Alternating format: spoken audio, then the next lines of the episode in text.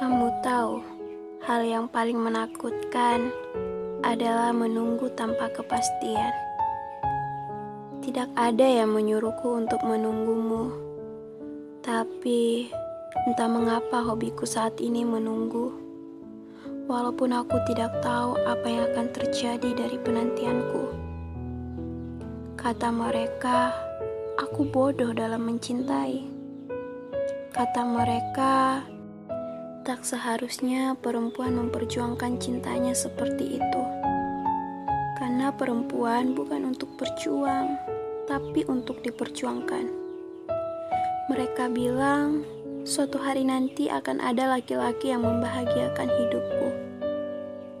Tapi kamu tahu, inginku adalah kamu. Aku ingin seumur hidup bersamamu. Apa yang mereka tahu tentang perasaanku? Mereka tidak akan mengerti bagaimana aku mencintaimu. Andai saja aku mampu memutar waktu, tak perlu aku menunggumu begitu lama, atau bahkan tak akan pernah ada waktu untuk mengenalmu. Apakah aku salah jika aku mengatakan semesta tidak adil?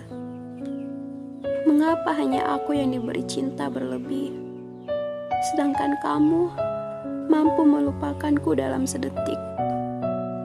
Aku harap kamu juga mengerti perasaanku yang hancur berkeping-keping, dan kamu kembali membawa jawaban dari penantianku. Aku mencintaimu dan masih mencintaimu sampai detik ini.